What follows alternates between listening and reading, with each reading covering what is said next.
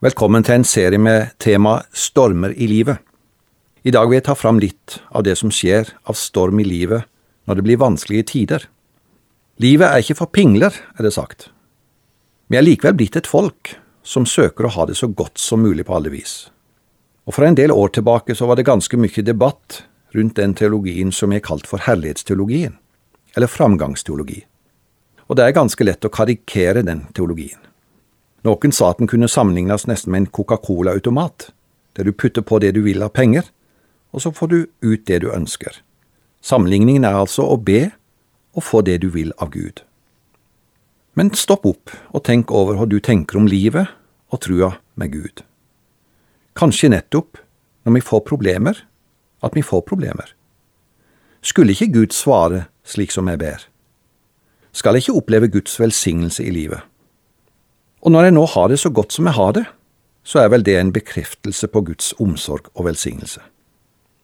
Vi har bibelord som kan bli forstått som en bekreftelse på at det skal gå godt for oss å tro på Jesus, at vi alltid skal ha det godt og lykkes. For eksempel et vers i Salme 1. Salig er den, og så kommer det til slutt, alt han gjør skal lykkes.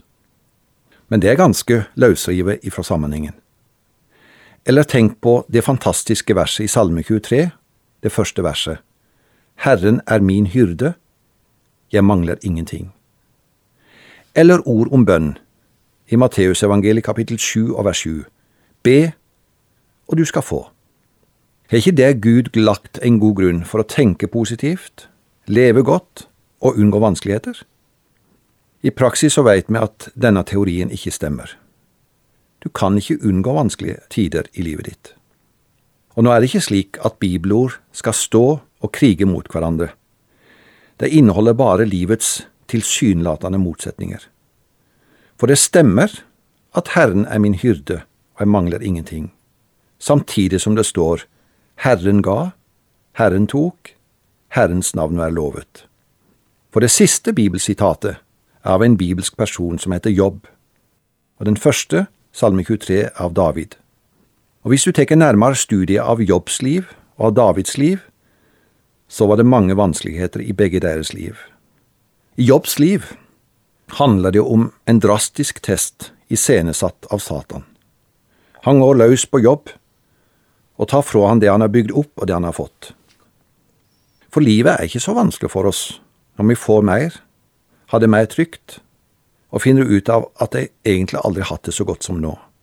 Det er når nedturen begynner at livet testes. Når du mister jobben, eller den økonomiske tryggheten. Eller du mister venner, eller du kan bli forlatt og ensom. Jeg skal ikke ta på meg å forklare alle hvorfor. Det kan bare skape større vanskeligheter. Jobb hadde noen venner som ga han mange forklaringer, og de deler ut villig av sin forståelse, men likevel er det ikke til hjelp. Jeg har sett åssen mørket kan sige på når livet blir vanskelig i menneskers liv, når alt raser sammen. Og det går an som jobbsvenner å tale sant om livet, om Gud, til de som er inne i tøffe tider, og likevel ikke være til hjelp. Når du leser hele Jobbs bok i Bibelen, så avsluttes den i kapittel 42 med et stort sluttoppgjør. Jobb han ser sjøl at han hadde hatt bare et overfladisk kjennskap til Gud. I kapittel 42 vers 4 så sier Jobb, Før hadde jeg bare hørt rykter om deg, nå har jeg sett deg med egne øyne. Og så avslører Gud Jobbs venner som uforstandige og overfladiske. Og Gud vil at Jobb skal be for sine kamerater. Det er vanskelig å trekke akkurat ut hovedsaken av det som Jobb erfarer, men en kan uttrykke det sånn. Jobbs erfaring med å miste alt han hadde arbeidet seg til, det gjorde likevel til at han fikk et nytt forhold til Gud, som han ellers ikke hadde fått. For vanskelige tider i livet betyr ikke at Gud er borte men han arbeider med oss på en annen måte. Satan han hadde tenkt at resultatet ble at Jobb ville spotte Gud. Men det motsatte skjedde. Jobb lovpriser Gud. Så har jeg møtt mennesker uten å sammenligne med Jobb, som har gått igjennom vanskelige tider, og er i vanskelige tider. Og ofte har møtt mennesker med en djup erfaring av at Gud er god midt i alt. Og noen har faktisk sagt, jeg ville ikke ha valgt å gå igjennom det jeg har gått igjennom, men jeg ville ikke ha unnvært det. For hvis det ikke hadde skjedd, kunne jeg faktisk ha mista trua mi. Davids liv var heller ikke uten vanskeligheter. Han hadde problem de luxe. Han var ikke særlig populær blant sine brødre, og når han ble henta inn av kong Saul for å være nær han, så opplever han et mareritt av det verste. Kong Saul prøver å ta livet av han. Han skyr ingen middel for å gå etter David. Derfor skriver ikke David bare gode salmer, slik som Salme 23, men ærlige salmer om opplevelser i livet. I ei av salmene, Salme 62, står det, Hvor lenge kan dere alle gå løs på en mann for å slå ham i hjel? Han er jo en lutende vegg, en nedbrutt mur. Så David sier ikke at vanskelighetene er borte når han skriver Herren er min hyrde. Nei, livet er ikke enkelt å forklare. Men David viste at han ble mer avhengig av Guds nåde og hjelp.